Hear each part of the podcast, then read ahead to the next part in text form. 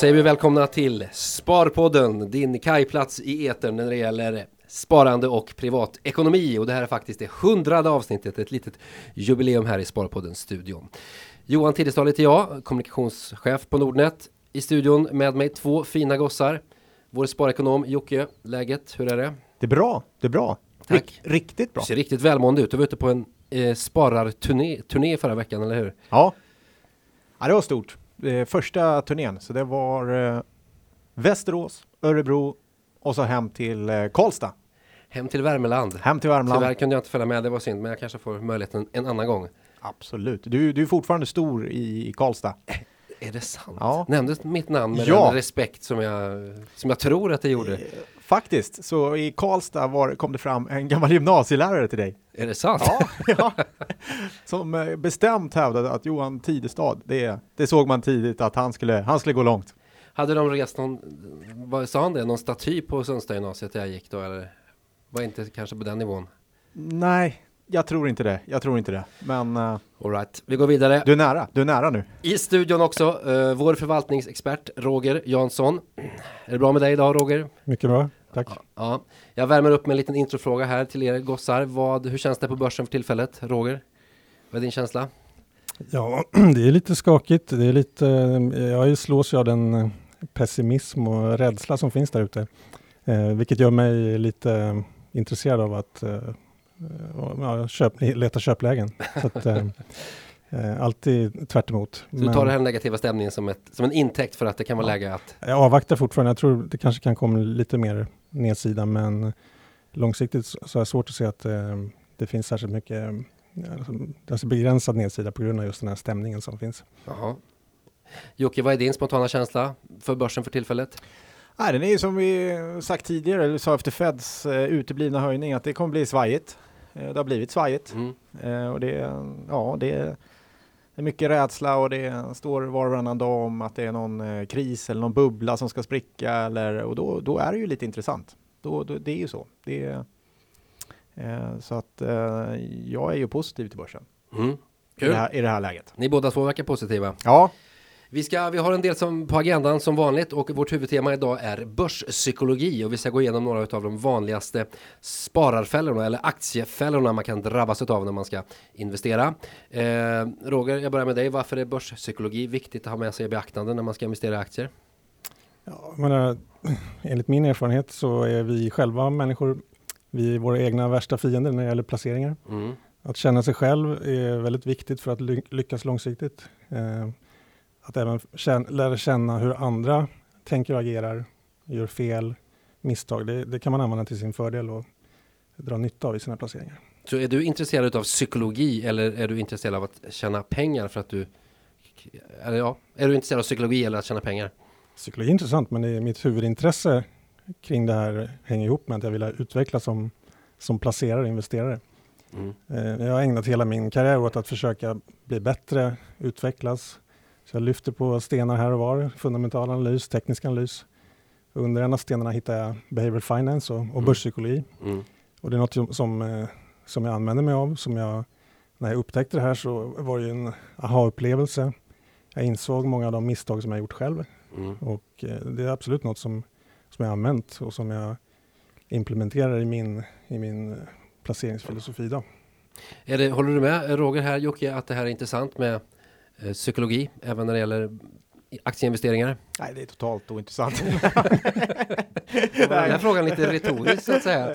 nej, jag skojar bara. Eh, nej, det är högst intressant. Det är, det är så här att de man har sett som har heta fingrar eller vad man ska säga, som är duktiga på att förvalta sitt kapital, Mm. är att de är väldigt trygga och eh, har en, en tydlig personligt sätt Mm. att investera på börsen Mm. eh, och utvecklat det. Och det, det har jag sett så tydligt under, på de här kunderna under alla år att det är så. Det, Mm.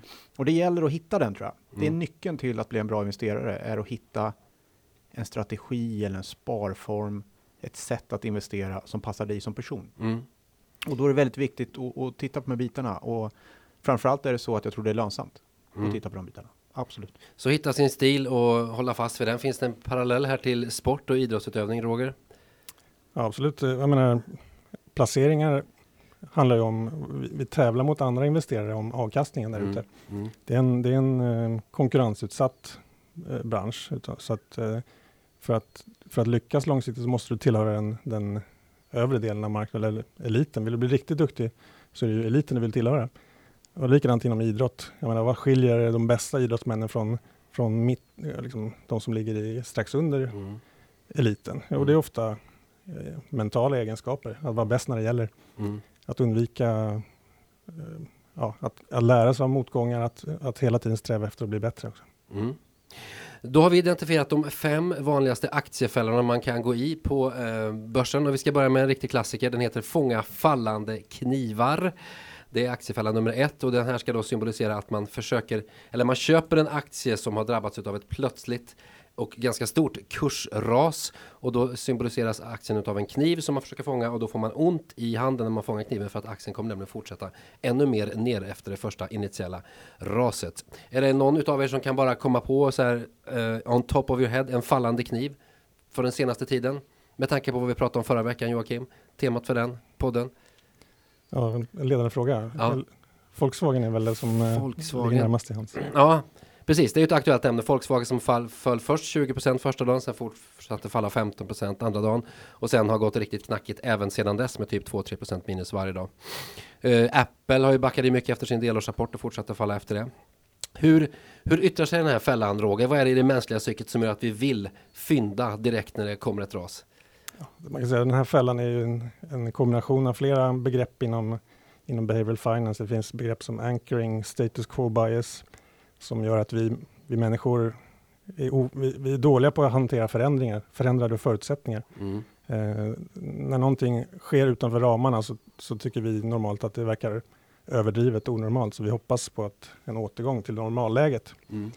Eh, tyvärr blir det sällan så. Eh, och, eh, utan stora initiala nedgångar ofta, kan ofta vara början på en längre fallande trend. Mm. Så att, även om det känns bra att köpa något som, som är på rea så Mm. är det sällan eh, en långsiktigt bra strategi. Mm. Och i, i Volkswagens fall så kan man säga att den så här långt följer det klassiska mönstret. Mm. En snabb nedgång på ändrade förutsättningar. Mm. Många kastade sig på den där kniven och försökte fånga den. Mm. Eh, det blev inte så bra. Nu har den fortsatt neråt Mm. och eh, får vi se i fortsättningen. Det finns ju två herrar som heter Kahneman och Tversky som har beskrivit ett, ett liknande förlopp inom behavioral finance som kallas underreaction, adjustment, overreaction. Mm. Som innebär att vi, när, vi, när någonting sker i ändrade förutsättningar så är det första, vår första tendens är att underskatta vidden av de här förändringarna. Eh, Nästa steg är att det sjunker in och vi, vi får en, liksom en, en korrekt uppfattning om vidden av förändringar. Mm. Men sen ändras, stannar det sällan där utan det fortsätter till överreaktionsfasen. Mm. Där, när marknaden när, eh, ja, helt enkelt överdriver och får panik. Mhm. Och, eh, och det här är något man ser, jag känner igen det här mönstret själv då på börsen. Och i, i Volkswagen fall så skulle det här innebära att i nu, nuläget så befinner vi oss någonstans i adjustment, alltså anpassningsfasen. Är det mer normalfasen alltså? Från, från underskattning till normalitetsfas till Ja, panik. Men då har vi i så fall eh, fortfarande panikfasen framför oss. Så det betyder i, i, i reda ord att eh, vi har panikfasen framför oss att aktien kommer gå ner ännu mer och att det ännu inte är köpläge i Volkswagen. Om man ska göra en lite förenkling av modellen och en översättning till Volkswagen. Om man, ska, om man dro, tror att Volkswagen följer det här mönstret då, så, Ja. så är det en rimlig tes. Men visst finns det något väldigt mänskligt i det här Joakim, att man vill fynda, man vill köpa aktier med röda prislappar och man tycker att Absolut. oljan är billig, den kostade 100 dollar på, på fat för ett år sedan. Nu är den ju Mm. nere på vad kostar, den 40-50 dollar. Det, det ska vi köpa, eller hur? Ja, men visst är det så. Eh, nu är ju det här radio, så nu ser man inte min handflata. Men du den- sträcker upp handen men, i men, luften. ja, och den, den ska du bekänna att du har den- gått i fällan? den, den är full av sår. Ja. Eh, jag, har- jag har försökt fånga många fallande knivar genom åren. Eh, Ja. Jo, men visst är det så. Det, det gör... Framförallt tror jag också... Eh, ibland kan det vara så att man tycker det är ett fyndläge. Mm. Det dyker upp något helt nytt bolag som Mm. eh, det sker någonting i. Mm. Ofta är det väl eh, kanske så också att det är bolag som man känner till väldigt väl, eh, som man har följt länge och då, då, då har man redan en marknadssyn och så går Mm. börsen åt helt annat, eller kursen åt ett helt annat håll. Mm. Så tycker man att det blir allt billigare det är väl också en, en fallande kniv Mm. som man Mm. har tagit i några gånger. Men, eh, men, men visst är det så. Det, det finns en, en, en psykologisk effekt i det där. Hur ska man agera då för att undvika den här fällan? Ska man bara motstå den första impulsen och köpa på rea och vänta ut den här adjustmentfasen och normalitetsfasen och se på nu, och eh, säga till sig själv nu är det nog panikläge, nu är det dags att kliva in. Hur ska man tänka som sparare? Ja, det låter som en bra strategi. Alltså, Mm. alltså jämförelsen, den här liknelsen med fallande kniv, Mm.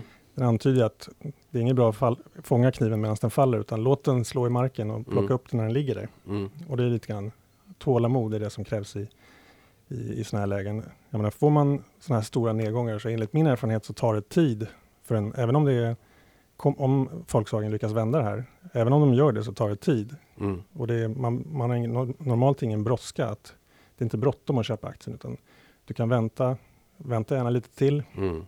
Och liksom, om, du, om du känner att du vill köpa den, vänta en vecka och titta var den står då. Mm. Så att, eh, Så hellre Tålamod. missa en liten del av uppgången än att försöka tajma vändningen perfekt. Sen ska man inte dra, alltså det finns ju, det beror lite på vilket tidsperspektiv man har. Det finns ju, finns ju de som är kortsiktiga traders som, som kanske alltid vill gå emot en, en stor rörelse för att det kommer någon form av studs. Har, Mm. man, har man det som en strategi och vet vad man gör, då behöver det inte vara fel. Men, men som princip att köpa en aktie och sen lägga den i byrålådan efter den har fallit en, ett stort initialt ras Det är normalt ingen, ingen bra idé.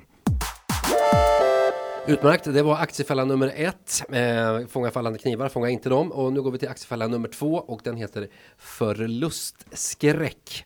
Vad handlar det här om Roger? Är vi, är vi mer rädda för förluster än vad vi blir glada för vinster? Eller hur ser det ut? Ja, så är det ju.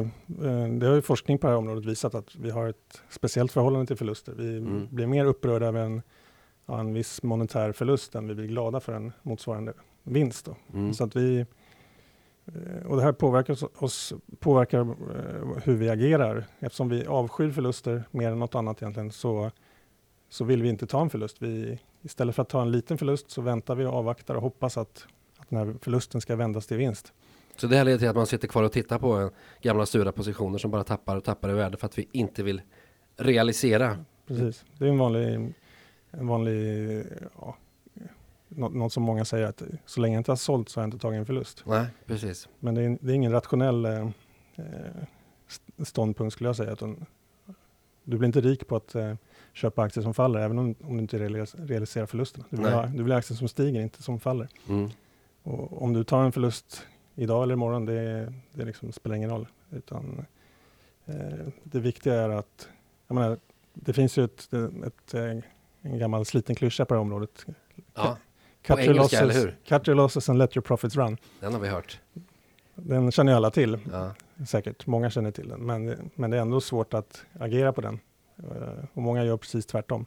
De tar inte förlusten när den är liten, de låter den växa. Eller de hoppas att den ska gå tillbaka till vinst. Hänger det här ihop med också ut, det slitna uttrycket att man snittar ner sig? Att istället för att sälja en aktie med förlust så köper man på sig ännu fler aktier i nedgången för att man ska få ett lägre genomsnittsinköpspris. Absolut, det är, ett, det är nästa steg i, om man, om man gör fel i I att, förnekelsen. ja, en- enligt min erfarenhet, om, man, om man gör fel i att sitta kvar på en aktie som ja. går ner utan att sälja den, så är det ännu värre om man dessutom kastar dåliga pengar, eller bra pengar efter dåliga, ja, och eh, ökar risken när man, när man har en position som går åt fel håll. dubbelfel alltså. I min värld är, vill jag göra precis tvärtom. När, när en aktie stiger, då kan jag tänka mig att köpa mer, för att jag, jag, jag har ju fått bevis för att min, min position, min tes som jag hade från början var rätt. Mm. Då vill jag lägga, lägga kanske mer pengar i en sån position. Att göra tvärtom är, är tyvärr då vägen, enligt min erfarenhet, till fattighuset snarare än Och, och, åt fanders till fattighuset. Jocke, upp med handen igen i luften. Ehm, har du snittat ner någon gång på heder och samvete? Ja. Va? ja, Jaha. Har du något konkret exempel du vill dela med dig utav? nej. Nej. Känner du igen fällan? Kan du? Nej, men det är en klassisk fälla. Ja. Eh, jag pratade faktiskt med en tjej i eh, Örebro om det här Mm. eh, förra veckan då. Och, och det är just det, nu har den här aktien gått ner så mycket. Mm. Ska jag ligga kvar och vänta tills den kommer tillbaks? Mm. Och det, det är en väldigt vanlig fråga och då är det så här att nej, det är totalt ointressant vad den stod i förut eller vad du har köpt den för. Mm. Det enda som är intressant är varför har du investeringen nu? Tror du att den här aktien är bättre än de alternativ du har Mm. och att den kommer ge mer avkastning? Mm. Ja, tror du inte det? Nej, då ska du byta till de du tror på. Mm. Vad den stod i bak i tiden, det är egentligen ointressant. Men det är väldigt svårt att, lätt att säga, svårt att göra, men eh, så är det faktiskt. Det är extra, det är extra svårt i en, en sån här marknad som vi har haft nu de senaste åren, där det är stigande marknad, där du kan komma undan med, med den här eh, dåliga beteendet. Att Mm. du kan, när marknaden stiger, så Mm. även om du köper en, en aktie som går ner, om du väntar till länge, så, så till slut så återhämtar den sig för att vi befinner oss i en, vi har befunnit oss i en stigande marknad. Mm. Men en vacker dag vänder trenden och då kommer, eh, då, då kommer det bli uppenbart varför det här inte funkar i längden. Du, men ett konkret råd då till spararen. Hur ska man göra? När ska man ta en förlust? Ska man sätta Ska man ha en strategi som man sätter ett pris? Där säljer jag eller ska man jobba med någon sån här Går aktien ner 3% och säljer jag alltid? Eller hur ska man göra i praktiken tycker ni? Grabbar. Jag skickar ut en öppen fråga. Roger, vad tycker du? Ja, det finns massor med sätt att göra det på, men det, det viktiga är att ha en plan för hur, hur agerar jag i ett läge där saker och ting inte går som jag tänkt mig. Mm. Det är många som inte har det. De tänk, de, man köper en aktie och så tänker man, fantiserar om vilka stora vinster man ska göra, men man, fanti, man tänker aldrig på det andra scenariot när det går åt fel håll. Hur ska jag agera? Och att göra det i, i förväg är ju lämpligt. Eh, så det är väl ett, ett tips. Men sen, ja, enligt min erfarenhet så går det inte att handla med aktier eller placeringar utan att ta förluster. Så någon gång måste man lära sig att ta förluster. Så bara, bara att komma igång med, med vanan att ta, en förlust. Ta en förlust. Titta i portföljen, har ni en aktie som är ner, bara sälj den och testa och se hur det känns.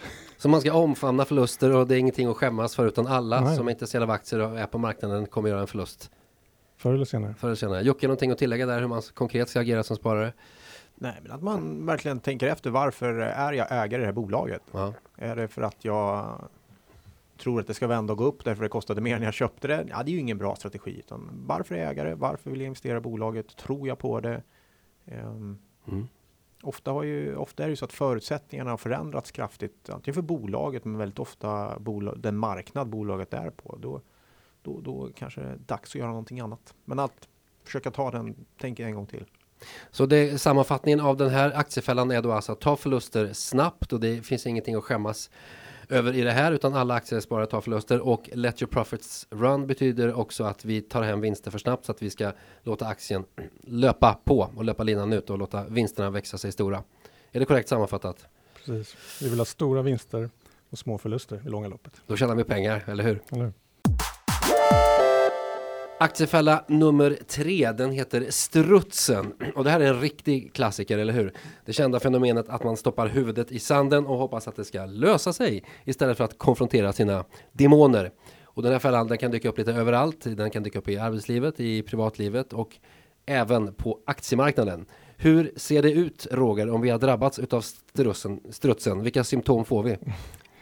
Ja, ett, ett bra eh, symptom eller kännetecken det är att man Mm. in, inte längre vill logga in på sin depå till exempel och titta på den för att det är så eländigt. Ja, Då, det- då gör man en struts. Jag, jag Ja. hörde en kollega bara här om veckan som berättade att han hade, han hade investerat i oljeprodukter och, och Mm. loggade inte längre in på sin depå för att det var, det var jobbigt. Och då hade han gjort det för, inte ny, nyligen då, utan kanske något år sedan. Ja, mm, jag kommer inte ihåg, ja, det var Mm. för några månader sedan kanske. Men Mm. han hade uppenbarligen förlust i alla fall och tyckte att det var för jobbigt att titta på. Mm. Så då gör man ju strutsen, man, istället för att titta på sin, på sin position objektivt så man vet ju undermedvetet eller medvetet att det är någonting som är fel, Mm. men man vill inte göra något åt problemet. Ett annat symptom är att man istället för att, in, in, om man inte stoppar helt huvudet i sanden så kan man i alla fall börja bortse från obehagliga sanningar, information som pekar åt, åt andra hållet Mm. man, än det man önskar sig. Mm. Man kanske lyssnar på personer som har samma åsikt som en själv i frågan. Eh, helt enkelt, ja, man är inte objektiv. Man har, en, man har redan bestämt sig hur man vill tolka saker. Man bortser från relevanta fakta och inhämtar den information som passar en själv och intalar sig själv att nej men det här ska nog gå fint. Exakt. En annan typ av eh, symptom på det här, det, det hänger lite ihop, men det är att man, man låter portföljen styra ens åsikter än, än, än tvärtom. Alltså, Mm. Man sitter med en portfölj med aktier, vad vet jag, olika tillgångsslag och på grund av det så tror man att de ska stiga. Inte tvärtom, att man, att man har dem för att man, man har gjort en objektiv analys av Nej. att det, det är de man ska ha. Utan Man skaffar sig en åsikt som passar bra ihop med den, de positioner man har. Exakt. Vad är ditt förhållande till strutsen Joakim? Det jag- välbekant? Ja, men det känns, nej, inte hos mig personligen. Nej. Jag är ingen struts. Nej, men kan du tro att det Ja. finns sparare där ute som drabbas av strutsar emellanåt? Ja, Det har man ju sett många gånger och Mm. oftast kommer ju strutsen fram efter en lång, eh, kanske en lång period som varit bra Mm. hos, kund, hos kunden. Mm. Ehm, nu pratar jag som, som gammal mäklare här, men man har haft mycket kundkontakt en period och sen åker den på en smäll Mm. och så hörs man inte av på väldigt, väldigt länge. Mm. Eh, är väl det klassiska att man helt enkelt bara släpper då. Mm. Mm. Ehm, och det, det är ju inte så bra förstås, utan det, det, det är då kanske mer än någonsin gäller att, att se över och ha koll på sin portfölj. Mm. Absolut. Och det här med se över och ha koll, det gäller ju att inte bli passiv, eller hur? För om man, om man ska vara lite allvarlig en stund så eh, passivitet är inte bra. Om man är till exempel är deprimerad och man kan översätta det till aktiemarknaden. Att man får, bara man gör någonting, man ska logga in och man ska inhämta relevanta fakta och man ska agera i sin portfölj. Eller hur? Är inte det ett bra sätt att komma ur en struts? Eller hur ska man agera, Roger? Som, som eh, om man känner på sig att man gör en struts och vill komma ur den, hur gör man?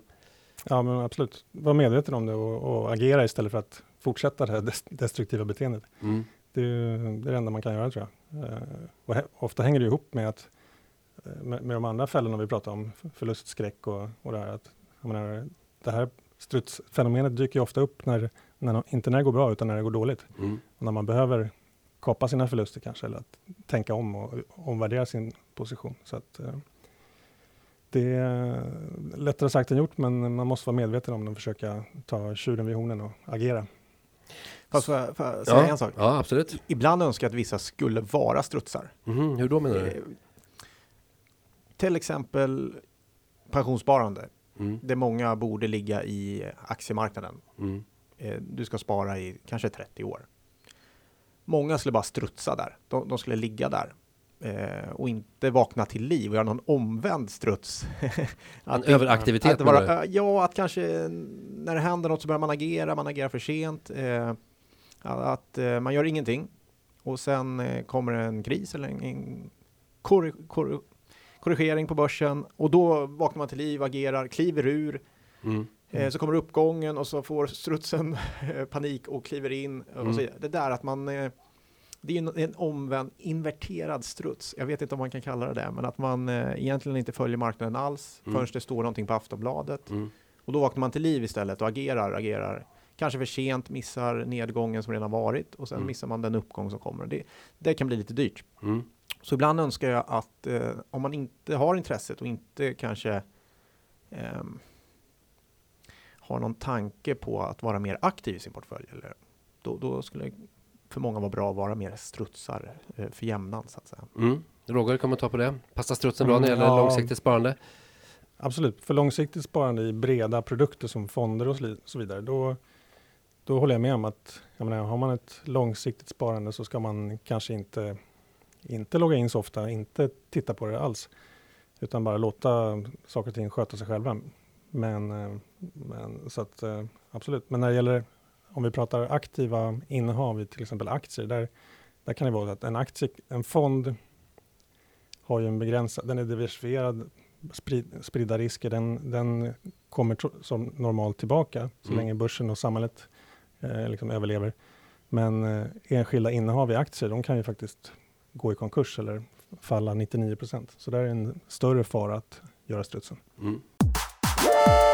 Utmärkt, det var strutsen. Nu går vi på aktiefälla nummer fyra utav fem och det handlar om flockbeteende. Människan är ett flockdjur som påverkas utav andra människors åsikter och beteenden. Vi vill göra som andra, vi vill passa in.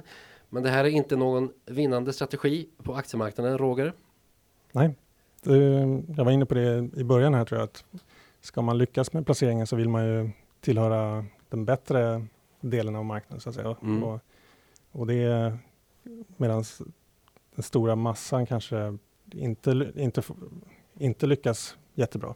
Så vill, i, en grundinställning är ju att jag vill göra tvärt emot de flesta andra för att tillhöra liksom, toppen av marknaden. Det är din grundinställning. Det är min in- Men samtidigt vet man att människor har lätt att falla för grupptryck och vill passa in, eller hur? Så det är Ja, en ja. enkel fälla att falla Absolut. i.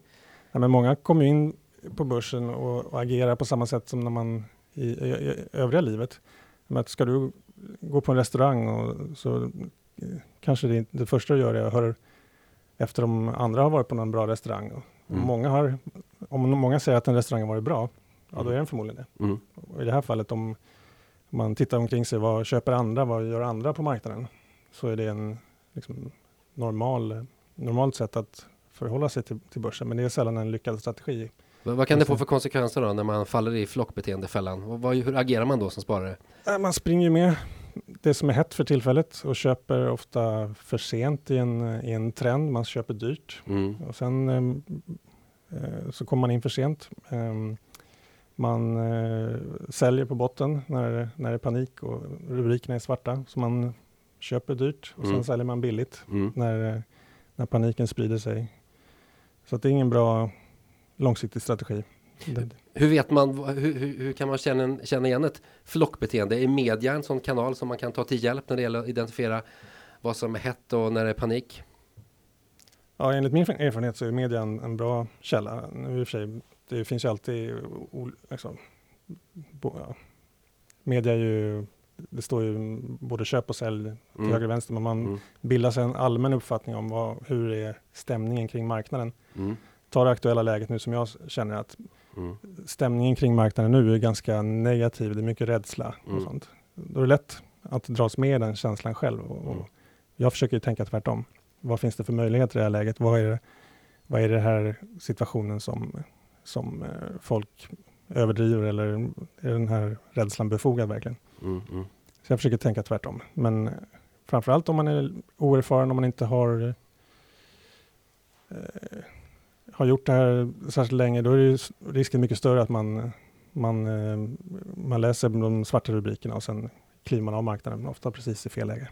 Vad, hur- vad ställer du till den här aktiefällan Joakim? Är det så att när Aftonbladet och Expressen skriker ut att nu är det hett med aktier och man läser om aktier i mer publika tidningar så att säga, större publikationer. Då är det ett litet varningstecken och tvärtom när alla är negativa så är det köpläge. Om, om det inte är jag själv som citeras eh, Ja, förstås.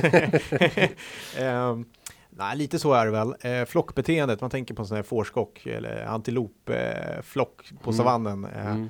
Man vill ju inte vara den oerfarne, den halt och lytte längst bak i flocken någonstans. Eh, och det, det är väl lite så man, många ramlar ju in på aktier första gången kanske genom att man får något tips eller någon eh, har Mm. någon, och då är det ofta sådana aktier som gått så här otroligt bra liksom. Mm. Mm. Eh, utan eh, är man nybörjare, försök eh, hålla dig i mitten av flocken. Mm. Leta inte efter de här eh, eh, raketerna. Eh, Nej. Utan håll dig i mitten av flocken och, och bygg upp eh, din kunskap där och ta lite safea bet eller vad man ska säga. Ta en, ta, håll dig till, eh, till de vanliga lite större bolagen. Börja där och sen när du mer känner dig lite tryggare så kanske du kan ge dig ut på andra, andra äventyr. Jag tror också att när man, ju mer kompetent och erfaren man blir, desto större chans har man ju att vara, vara självständig och ta egna beslut. Och, Mm. och, och, och därmed lyckas också. Ju mer oerfaren man är, desto större risk att man lyssnar på andra, man känner av, man lyssnar vad grannarna gör, man, Mm. man agerar som Mm. ja, det som står i tidningarna. Och, eh, så att eh, det är en, till, till viss del hänger ihop med erfarenhet. Absolut. Jag gillar ju lite det här med Sharewill Ja. faktiskt. Ja. Att, att man kan eh, gå in och titta hur andra gör och, och det, det, gå in i flocken och se de som är duktiga. Vad, ha- hur jobbar de? Hur ser Mm. hela deras portfölj ut? Att Mm. eh, inte bara se eh, en, ett hett tips eh, som dyker upp utan eh, få lite mer och, och större insikt. Eh, ja, det finns oändligt mycket information att hitta nu för tiden. Det är ganska roligt faktiskt. Framförallt ganska lärorikt. Sista fällan vi ska prata om, det är den bästa fällan, den vi sparat till sist, den heter kärleksfällan. Och eh, mm, ja, den, nu kan det bli hett här i studion. Vad handlar kärleksfällan om? Man blir kär i en aktie, eller hur? Ja, det är lätt att skära ner sig i, i aktier. Men i, vi, vi pratar om behavioral finance här. Det finns en, en, en, liksom en, en effekt som har, man har forskat kring och upp, identifierat som innebär att när vi köper någonting, det kallas ownership eh, effekt på engelska. När vi köper någonting så får vi en högre eh, uppskattad eh, vä- värdering av det som det vi har köpt än vad man rationellt sett borde ha kanske. Så bara det faktum att vi köper en aktie gör att den i, i våra ögon blir mer värd Mm. eh, jämfört med om någon som inte äger aktien. Så att det, här kan, det här kan göra att vi, vi, vi inte är objektiva till det vi har i portföljen. Och som sagt, det kan ju gå så långt som att man till och med blir helt kär i sina, sina aktier. Särskilt om man lagt ner mycket tid och kraft på lära sig om bolaget. eh, Man har blivit en sån här liten mini-expert på det här bolaget. En liten auktoritet kanske på, i olika forum. Och vips så kommer känslorna in i bilden och man är Mm. inte längre objektiv och kan inte riktigt eh, tänka klart. Mm. Och vad händer då? Då sitter man och tittar på en aktie oavsett hur, hur den går. Den kan gå ner hur mycket som helst men ändå håller man fast vid den för att man ens värde utav det här bolaget är så mycket större än vad det egentligen är värt. Man får inte en, en orationell värdering. Det är den stora risken, just att, och i kombination med de andra fällorna vi har pratat om, vi är ju benägna att hänga kvar i aktier som, som inte går rätt väg. Är vi dessutom kära i aktien i fråga så, så blir det såklart ännu svårare att släppa greppet och när vi kanske objekt, objektivt sett borde göra det. Men ibland kan det också vara så, eller hur, att kärlek vänds till hat. Den här kärleken tar slut på en gång, då kan det slå över. Är det så i den här fällan också? Mm, absolut. Det är, ehm, jag har en, minns en gammal kollega som, som hatade allt vad ABB hette för att han hade förlorat pengar i en gång i den här asbestskandalen. Som, För som var. 20 år sedan typ. Så efter det kunde inte han köpa längre, aktien längre. Och, um, och det är, då har man inte längre ett rationellt förhållningssätt till, till en aktie, utan han kunde bara inte köpa den, det gick inte. Han, hade, han var, kände sig så så sviken. han var bränd och sviken. Har du någon kärlek på aktiemarknaden Joakim? Volvo. Är det din svaga Ja, punkt? det, det är min svaga punkt faktiskt. Jag, jag måste erkänna, jag älskar Volvo. Ja. Så är det. Det, det är ett bolag som jag alltid Alltid har alltid varit med, alltid tyckt om, alltid varit sjukt intresserad av lastbilar. Det har följt med mig. Eh, sen när jag jobbade som trader på enskilda så var just Volvo min, eh, det pappret som jag handlade. Ja. Volvo Securitas. Men eh, Volvo, nej, jag, vilken dag som helst här kan ni se på Shareville för jag kommer bli aktieägare i Volvo igen. Så är det bara. Jag kan, in, måste ha det. Du, Har du någon kärlek Roger på aktiemarknaden? Nej, jag försöker hålla känslan borta, jag är helt iskall. Roger han kan de här fällorna, försöker undvika Ja, de dem. Den sitter liksom i- perfekt rationell placerare. Iskall. De sitter i ryggmärgen. Jag skulle ju, i min Shareville-portfölj har jag exempelvis Net Entertainment nu som jag har, jag närmare 700% avkastning. Den ligger ju nära till hands så att jag Mm. skulle älska den, men nej. Då är man, då är man hård alltså. Ja, det var stenhårt. Ja, Vad roligt, tack för att vi, ni har tagit oss igenom de här fem eh, aktiefällorna. Vi ska gå vidare här i Sparpodden och titta på vad våra lyssnare har frågat oss om. Här är vi i mitten av det hundrade avsnittet, jubileumsavsnittet av Sparpodden och vi har precis pratat börspsykologi. Och nu ska vi prata lyssnarfrågor och eh, vi ska värma upp med en fråga från Isak Fors som har twittrat till oss och frågar Hej Sparpodden, jag har ett innehav i SKF A som jag köpte som min första aktie. Vad är skillnaden mellan A-aktier och B-aktier? Jocke, ledsaga Isak in i A och B-aktiernas värld. ja eh, välkommen till aktiemarknaden får jag säga eh, till eh, Isak. Var det Ja. Ja, där? Eh, A eller B-aktier, det är röstvärdet. vad betyder det röstvärdet? Ja, det är så när du går på bolagsstämman så har du ett visst antal röster för A-aktierna och Mm. ett annat för B-aktierna. Så det kan vara att man räcker upp 100 virtuella händer i luften om man har en A-aktie och en hand om man har en B-aktie. Ja, Så man har mer att säga till om i bolaget. Det här låter ju positivt. Ska man då satsa på att köpa A-aktier? nej, utan kolla på, egentligen gör du så här, titta på vilken av aktieslagen är det mest omsatta. Mm. Det är där du ska handla. Eh, om du nu inte känner att du vill ha väldigt många röster på bolagsstämman så tycker jag att gå efter det, den aktie som handlas mest. Och oftast är det just B-aktien som är mest likvid och har högst omsättning. Ja, finns vissa undantag eh, där det finns en eh, A-aktie som är mest likvid eller en C-aktie i vissa fall. Men leta efter den med högst omsättning. Oftast är det B-aktien.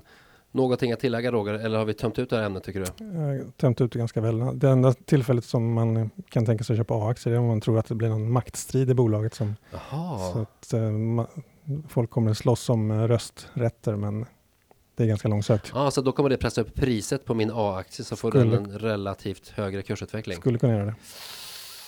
Intressant. Det kan vara ett bolag där Jonas, eh, när man säger Jonas eller Kister eller kliver in och då kanske det är, är det tecken på att här är det maktstrid under uppblåsning. nej. Bra. Nej, han, han, jobbar, han jobbar ju inte riktigt så. Han, han, eh, det kan vara så ibland, men nej, det finns bättre strategier tror jag. Hur, hur vet man om en maktstrid är på gång, Roger? A-aktierna stiger i värde kanske. Nej, jag får nog klippa bort det. blir cirkelresonemang. Ja, nej. Jag håller till eh, B-aktier, mest likvida normalt sett. Utmärkt. Vi går vidare med en fråga på, eh, också på Twitter från Johan The Job. Eh, hur tror ni att den svenska och amerikanska börsen kommer att reagera om Fed höjer räntan under hösten? Vi hade ett möte i Fed för ett par veckor sedan och då beslöt de att räntan skulle ligga stilla. Men om vi får en höjning här nu, kanske så snart som i oktober, Joakim, vad kommer hända med börsen då? Kan vara så initialt eh, att börsen går ner. Eh, men annars tror jag att det för börsen är egentligen ganska positivt. Eh, och kan skapa lite stabilitet till börsen också. Att, att visa vägen framåt. Varför då? Varför är det positivt ja, med ränte? Därför att man vill tillbaka till ett normalläge och då också ett styrkebesked att USA går bra och kan ta den här räntehöjningen. Det är viktigt, men då är det viktigt att det sker i en jämn takt. Mm. Eh, jag såg den här frågan, så jag ringde och pratade med eh, Leg Mason, ett fondbolag som har amerikanska fonder som ingår i vårt sortiment. Så jag ringde till dem faktiskt och frågade och då det visat sig att de har tre personer som bara sitter och analyserar Feds eventuella räntehöjning, mm. eh, vilket är helt fascinerande. Så det är en liten avdelning mm. som de har som följer det. Eh, och för dem är det väldigt viktigt att de ser en stabil takt framåt. Att det inte går för fort framförallt. Så det, um, det är nog viktigt. Vad händer Roger tror du om Fed kommer höja räntan snart? Vad får det för påverkan på börsen? Jag tycker det är intressant att se hur reaktionen blev på förra beskedet och när de mm. valde att ligga kvar. Mm.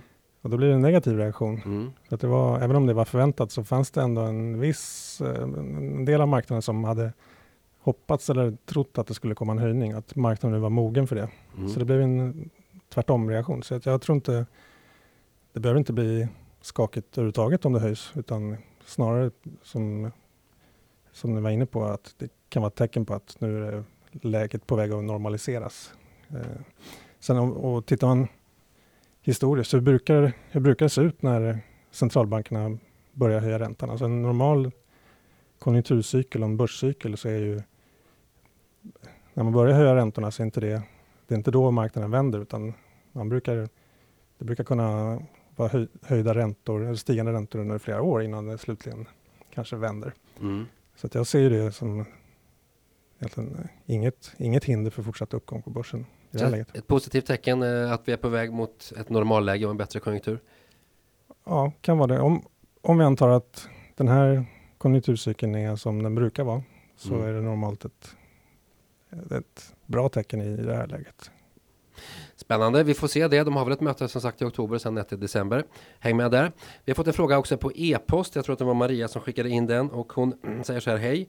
Eh, jag, eh, finns det någon som ni kan komma på som kan ge en lite mer samlad bild av läget just nu i Finland, Norge och Danmark för investerare?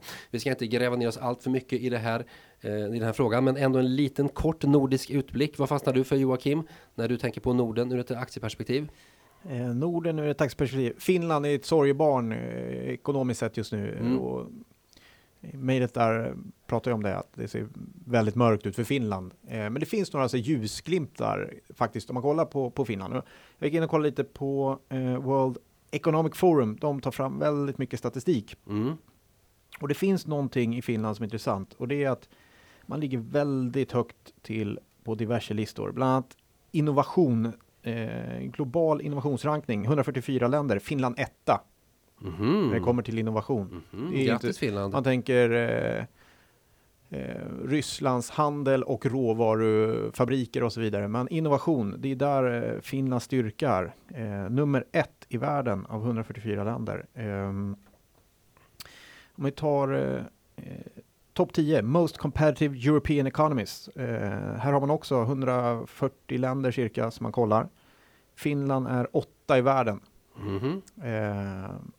Så att det är samtidigt också man kollar på toppen hur man det kallas för Human Capital Index. Ja. Eh, egentligen eh, humankapital och hur man använder det. Finland etta i världen. Det finns mycket positivt i Finland som kommer att eh, var deras räddning tror jag. Det, det finns någonting som kommer. Viktiga saker förstås där, innovation och humankapital. Så man kan säga att det är lite deppigt i Finland just nu, men på sikt så ser det bättre ut. Så att det kan vara en marknad att hålla ett extra öga på. Mm, det ska bli spännande att se hur Finland lyckas kapitalisera på allt det här. Det borde ju gynna dem. Det borde ju vara någonting väldigt, väldigt positivt. Roger, vad fastnar du för om du gör en nordisk utblick mot Norge, Danmark, Finland? Jag um, slås väl av att um, Köpenhamnsbörsen är väldigt stark. Ja. Den är ju till, tillhör en av de bästa börserna i världen så här långt. Varför är den det? Eh, mycket hänger ihop med deras stora eh, bolag Novo Nordisk som väger tungt i index och som går väldigt bra. Det är Nordens största bolag, ja. läkemedelsbolag. Alltså att Köpenhamnsbörsen är upp fortfarande är mer än 25 procent i år, Mm. trots att eh, ja, medan Stockholmsbörsen och övriga nordiska börser ligger på kring nollstrecket. Men är det någonting specifikt med Danmark som är extra positivt eller det, råkar det bara vara så att de har ett väldigt stort och jättebra läkemedelsbolag? Jag vet inte, men eh, det- du frågar vad jag slogs av vad det var. Att jag vill ha en liten analys av det också. Ja, jag är inte jätteinsatt i, i dansk ekonomi i övrigt, men eh, det är, en, det är ett eh, läkemedelstung, en läkemedelstung börs. Inte bara Novo Nordisk utan andra bolag Ja, också. precis, ja. Mm. Just Novo Nordisk, det är ju som du sa, jag tror det är 900 miljarder i börsvärde nu. Ja. Eh, har ju ökat enormt. Mm. Så mycket som man fick kappa indexet i Köpenhamn eh, på 15 procent tror jag. Det. Annars hade Novo. Nordisk varit ännu större. Då hade den indexet gått upp ännu mer i år. Så det är, ja, det är ett stort bolag. Vi har fått en fråga från Simon här på Nordnetbloggen som säger Hej, jag uppskattar er podd väldigt mycket. Eh, Jag gick in i Brummer Multistrategi 2X i april. Sedan dess har den gått ner dryga 7,5% på ett halvår. Att hedgefonder verkar svårt att ställa om då det inte finns en tydlig trend i marknaden tror jag mig ha förstått. Men hur hade ni tänkt i det här läget? Ska man fortsätta tro att Brummer löser detta på sikt eller är rekommendationen nödevakuering från ett sjunkande skepp? Hedgefonder har vi pratat om förut i Sparpodden. De ska eh, oftast prestera positiv avkastning oavsett hur börsen går och oavsett hur andra tillgångslag går. Hur ska man tänka i det här fallet Joakim när det gäller en specifik fond som har gått dåligt? Mm. Eh, ja, uppenbarligen, han pratar om nödevakuering, så han är uppenbarligen inte nöjd. Eh, han, Nej, så han, mycket har, kan man utläsa här han, han har inte fått det han har tänkt sig. Eh, å andra sidan, börsen är ner 13 procent ungefär under samma period. Eh, så man måste se, vad ska den här fonden göra? Vad Mm. är strategin? Mm. Följer den strategin? Eller är det så att den, eh, den bryter av och inte gör det? Eh, då bör man ju se över och faktiskt kan man ju ringa och fråga. Vad är det som händer i den här fonden och va- varför bryter den mönstret? Mm. Hur har den gått tidigare Mm. eh, historiskt? Hur har den jobbat då i olika typer av marknader? Eh, eller marknadslägen? Eh, så läs på först och se hur ska den här fonden fungera? Eh, och hur ska den jobba? Men finns det verkligen vissa hedgefonder som kan ha som strategi att de säger ja men om börsen går ner jättemycket då ska vi gå ner lite grann. Det får ni ju acceptera även fast vi är en hedgefond. Ja, så skulle det kunna vara. Det det har ju med risknivån och så vidare. Absolut, det skulle det kunna vara. Okej. Jag kan inte den här fonden, jag är inte påläst på den. Men, men det, det är viktigt förstås Mm. att se att den, den levererar det den ska. Eh, att en hedgefond har svårt att hitta trenden eh, när det inte finns någon riktig trend. Ja, då är väl det trenden. Att trenden saknas Mm. i i marknaden. Mm. Men eh, så kan det vara. Så kan det vara. Eh, vissa, de här hedgefonderna är inriktade på en viss typ av marknad och går väldigt, väldigt bra då. Och har svårare i andra typer av klimat. Så Mm. tanken, min tanke, om jag skulle göra mig äh, attraherad av en, en hedgefond eh, så vill man ju ha just den här stabila avkastningen. Mm. Det är den jag skulle leta Mm. efter. Eh, Den låga jämna ren- avkastningen. Ja, rent generellt. Den här absolut avkastande fonden. Och, eh, det är nog svårt att få till det i det här ränteläget. Mm. Man har haft det med sig förut. Mm. En riskfri ränta som man har kunnat spela lite grann med kan man säga. Mm. Eh, Och i dagsläget är det ju till och med en negativ ränta så då, då blir det lite svårt för. Vad säger du Roger, kan man verkligen acceptera att en hedgefond går ner 7,5% på ett halvår? Kan man verkligen få kalla sig hedgefond om man agerar på det Om jag sättet? minns rätt så består väl Brummer Multistrategy av en, en blandning av deras andra hedgefonder. Så det är inte, Ja just det, det är en bland... det är, en, det är inte en hedgefond på samma fond. sätt. Det är Mm. en, precis, en fond i fond som investerar i deras hedge- hedgefonder. Så det kan ju vara en tillfällighet att flera av deras strategier har haft en tung period just nu. Mm. Historiskt tror jag de har klarat det bra, men jag tror man... eh, Det är svårt att ge råd här, men man får se på vad hade man för förväntningar när man gick in i den här, i den här fonden. Hur har utfallet blivit? Som jag var inne på när vi pratade börsfällor. Mm. Lägga upp en plan innan. Vad var mina förväntningar? Hur är utfallet? Och agera utifrån hur, hur planen var. Mm. Okej, grabbar, det var de fyra frågor, eller fem, hur många det nu blev som jag tänkte vi skulle beta av idag. Vi, jag tänkte vi skulle stämma upp en applåd här till alla lyssnare på Sparpodden i vårt hundrade jubileumsavsnitt. Tack för att ni lyssnar på oss och tack för att ni fortsätter lyssna. Och det här var också min sista Sparpodd som vikarie. Äntligen! Eh, Äntligen tycker jag okej. Och många lyssnare med honom förstår jag. Tog, Nej jag tog över med Eva tillsammans i, Nej, jag början eh, i slutet av sommaren. Och nästa vecka är det du Jocke som är Ja, programledare och huvudredaktör. yes. Får vi se. Ser vi fram emot. Spännande. Bra. Tack för idag. Tack så mycket. Tack, tack.